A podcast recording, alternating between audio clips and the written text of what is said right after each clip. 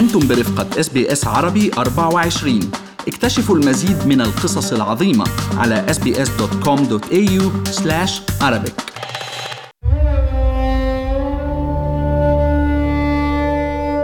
كل ما نتكلم بالكردي في المدرسة كان لازم ندفع يعني equivalent to خمسة سنت أو ضربة على الإيد. الأشوريين في الشرق الأوسط ينظر عليهم كمواطنين من الدرجة الثانية. البدون يعيشون وكل أمالهم أن تقل نظرة الدونية لهم. نظام كفالة معيد نظام استعداد نحن موجود بعد اليوم عنا بالمنطقة العربية ككل بخلينا نشغل عنا ناس ما ندفع لهم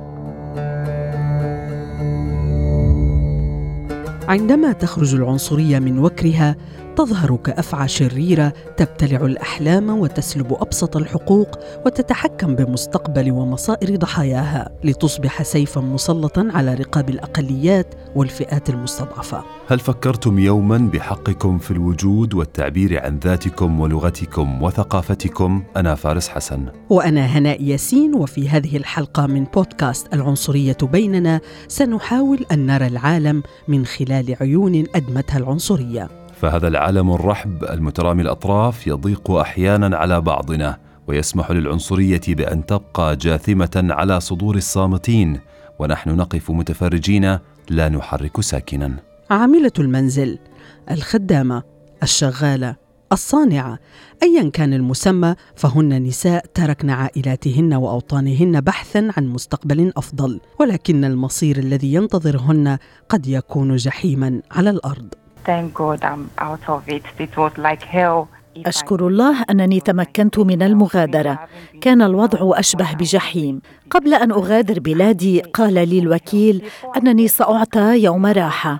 ولكن عندما وصلت إلى لبنان وجدت كل شيء عكس ما قيل لي. كنت أستيقظ في السادسة صباحا وأعمل لأكثر من خمس عشرة ساعة وأنام الساعة العاشرة مساء. 6 a.m. and go to bed at 10. مآسي تجربة إيفا لم تقتصر على ساعات العمل الطويلة بل شملت حرمانا من أبسط الحقوق الإنسانية I was very sick and كنت مريضة جدا ولكنهم طلبوا مني أن أصبر لأن حالتي ليست خطيرة. لم يهتموا أبدا لمعاناتي. اتصلت بمنظمة This is Lebanon وأرسلوا رسالة إلى العائلة التي كنت أعمل لديها. ولهذا أخذوني إلى المستشفى. لا أعرف ماذا كنت لأفعل بدون هذه المنظمة.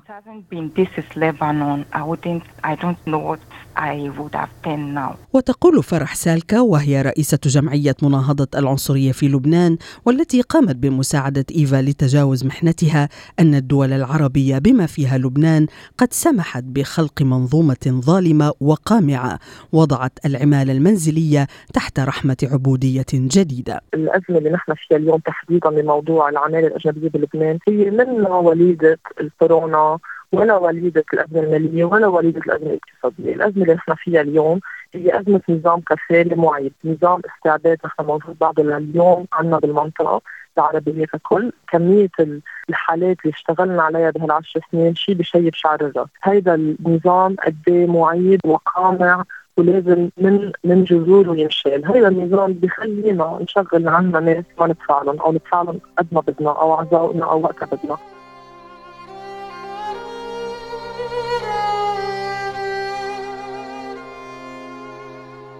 قد يقول البعض لماذا لم تبقى إيفا في وطنها؟ ألم يقل الشاعر بلادي وإن جارت علي عزيزة ولكن تخيل وضع من عاش في أرض جيلا بعد جيل ولا يعرف وطنا غيرها ولكنه لم يرى من هذا الوطن وشعبه إلا المذلة والهوان. شلاملوخن شمانة خرزة لشانا عربايا. كان هذا نينوس كاكو من البرنامج الأشوري على الإس بي إس. وهذه الكلمات بالأشورية تعني مرحبا بكم مستمعي إس بي إس عربي 24 أمر بسيط حقا.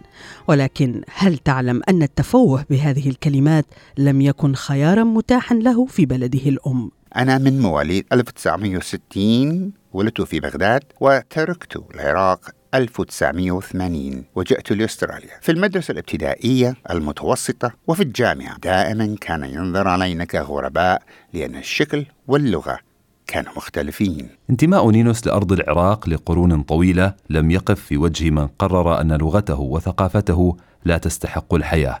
قد يكون هذا واقعا صاغه التاريخ وما يجري في دهاليز السياسة ولكن ما كان ليستمر لولا العنصرية التي تنظر بدونية لكل ما هو ليس بعربي ومن العراق إلى سوريا ومن التجربة الأشورية إلى الواقع الكردي. لما كنت بالمدرسة في سوريا كل ما نتكلم بالكردي في المدرسة كان لازم ندفع يعني equivalent to خمسة سنت أو عشرة سنت أو ضربة على الإيد. هاي كانت البانشمنت إذا بتتكلم اللغة الكردية في المدرسة. كانت هذه الإعلامية ميادة كردي خليل من البرنامج الكردي على الأس بي أس والتي ترى أن التاريخ العربي الكردي رغم بعض مراحله الإيجابية لم يحمل أكراد من العنصرية سواء من قبل الأنظمة أو الشعوب العربية التي عاشوا معها. تقسيم كردستان صار بعد الحرب العالمية الأولى ما بين تركيا وسوريا والعراق وإيران. وكل هذه الدول ينظرون إلى الأكراد كمواطنين درجة ثانية ويبدو أن العنصرية لا تفرق كثيرا بين ضحاياها فيتساوى لديها من عاش في أرض لقرون أو لعقود لتخلق ظروفا معقدة ومآس لا تنتهي لمن تطاله نيرانها. تخيل أن تعيش في مكان طوال عمرك ولا يتم التعريف عنك إلا بمسمى البدون أي بدون جنسية بدون هوية وبدون مستقبل. هذه الكلمات تلخص حياة الآلاف من الأشخاص في العديد من دول ومجتمعات الخليج العربي. من أهم الأمور التي واجهتها هي عدم إكمال حقي في التعليم. وعدم حصولي على الوظيفة سواء كانت حكومية أو غير حكومية. وقد اعتقلوني الشرطة عدة مرات لسبب إني أبيع كانوا يقولون انك بائع متجول فلا يحق لك هذا الشيء. وعندما خرجت في الاعتصامات المطالبة في حقوقي الاعتصامات السلمية فتم اعتقالي وسجني وتعذيبي وغيرها من الأمور الكثيرة. كان هذا أبو علي وهو من بدون الكويت وطالب لجوء في أستراليا وقد طلب منا تغيير اسمه وصوته خشية إلحاق الضرر بمن تبقى من أهله في الكويت حيث يعتبر ملف البدون من الملفات الشائكة على الصعيد الوطني. نحن ولدنا وولد آبائي وأجداد في الكويت ولا نعرف غير الكويت، فنحن اليوم نتكلم عن خمسة أجيال أو أكثر من خمسة أجيال أيضا. يعرف البدون بهذا الاسم نسبة لكونهم بدون جنسية، ويعود السبب الرئيسي في تسمية فئة البدون في هذا الاسم. آه إلى الفترة التاريخية ما بين 1960 آه حتى عام 1979 حيث تدرج اسمائهم في الوثائق الرسمية من بادية الكويت ثم غير كويتي ثم بدون جنسية ثم غير محدد الجنسيه وأخيرا مقيم بصورة غير قانونية. فالكويتيين بدون إن صح التعبير فئة كبيرة وتنتمي هذه الفئة إلى نفس أصول والعرقيات السائدة في الكويت. ورغم ظهور مشكلة البدون على السطح منذ إنشاء الدول الخليجية في صورتها الحديثة فإن معاناة هذه الفئة لا يبدو لها نهاية. ويقول أبو علي إن العنصرية لعبت دورا في حرمان الآلاف من الحصول على حق المواطنة. عامل الطبقية الكويتيين أنفسهم يعانون من هذه الطبقية منهم من ينعد نفسه بأنه أصيل أكثر من الآخرين وأعتقد أن الموضوع هو مجرد عنصرية لا أكثر. وسيطرت وصمة البدون على كل مقادير الحياة التي عاشها أبو علي. في مجتمع يزدريه ولا يسمح له بالحصول على أبسط الحقوق. إذا كنت أذهب بالسابق أو يذهب أي شخص من البدون إلى المؤسسات الحكومية محاولا استخراج وثائقه فيقال له لا يحق لك فأنت بدون. يذهب طالبا للعمل ورغم حمله للشهادات اللازمة بل وأكثر فيقال له لن تقبل لأنك بدون لينتظر أمام باب اليأس الذي قد يجعل بدون تفكير منه أن يقرر إنهاء حياته في بعض الاحيان ويؤسفني أن هناك حالات كثيرة جدا فقدت حياتها بسبب هذه الضغوطات النفسية. ولم تنتهي معاناة أبو علي بعد وصوله إلى أستراليا التي قدم إليها عبر القوارب ليخضع لسياسات البلاد الصارمة في التعامل مع الواصلين عبر البحار. كنت من بدون الكويت والآن أصبحت بدون أستراليا فقط لا أكثر ولا أقل. فأنا اليوم نفس الضغوطات التي كنت أعانيها في الكويت فأنا أعانيها في إستراليا. الكويت لا كانت لم تسمح لي في حق التعليم وإستراليا لم تسمح لي في حق التعليم. الكويت لم تعطيني حق التطبب وإستراليا لم تعطيني حق التطبب أيضا. الكويت لم تعطيني حق العمل وإستراليا لم تعطيني حق العمل. العيش بدون هوية وبدون مستقبل ترك مرارة في نفس أبو علي. أفقدته القدرة أو الرغبة في الاستمتاع بجمال الحياة لتصبح أقصى أحلامه أن يعترف به الآخرون مساويا وكفءا لهم. البدون يعيشون وكل امالهم ان تقل نظرة الدونية لهم. ففي الدراسة معاملتهم على أنهم بدون انتماء وأنهم أقل من بقية الزملاء، بل إن بعضهم يحصل على التعليم من صندوق التبرعات. أن تعيش بكرامة ويراك الآخرون مساويا لهم هو مطلب على بساطته ومشروعيته صعب المنال في مجتمعات اعتادت العيش في المناطق الرمادية للعنصرية. فالبعض يصر على أن بلادنا هي موطن الأديان السماوية التي ساوت بين البشر ليمارس خلف الأبواب المغلقة صنوفا من العنصرية باتت جزءا اصيلا من حياته.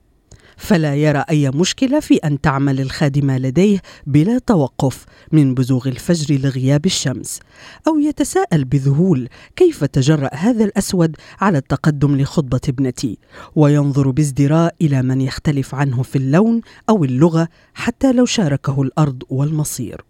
يقول نينوس أن الحل يكمن في التعليم منذ الصغر لإيجاد نشء لم تشوهه العنصرية بقبحها. للأسف المناهج الدراسية في العالم العربي ليس فيها شيء اسمه التسامح أو قبول الآخر من حيث الدين أو العرق أو الشكل أو التاريخ. أما فرح سالكة رئيسة جمعية مناهضة العنصرية في لبنان فترى أن علينا تعديل القوانين وهدم المنظومة التي رسخت العنصرية في حياتنا. نحن عم نحكي عن أرواح عالم عم تجي لعنا بنية أنه يكون في أيام أحسن لها لعائلتها وتعمل آه، مصاري وترجع بلادها. في منهم عم يرجعوا بالتوابيت في منهم عم بيموتوا بلبنان في منهم عم يندفنوا هون. فعاملات المنازل لازم يندرجوا بقانون العمل اللبناني. ما فينا نحن نكون عم نشغل 200 ألف 300 ألف عاملة وما فوق وعم يجوا لعنا على بلادنا ونحن أصلا ما عندنا قانون عمل بيحميهم. وإذا كان للتعليم والقوانين دور في القضاء على العنصرية فماذا عن دورنا نحن كأفراد؟ ربما علينا مواجهة السلوكيات والقيم التي أهدرت من كرامة الإنسان لمجرد اختلاف لونه عرقه أو لغته وساهمنا نحن بشكل أو بآخر في ترسيخها. لكي نعيش جميعا بأمان وسلام علينا أن نقبل بعضنا البعض وأن تكون المحبة هدف الأول والأخير. كان معكم فارس حسن. وهناء ياسين من بودكاست العنصرية بيننا.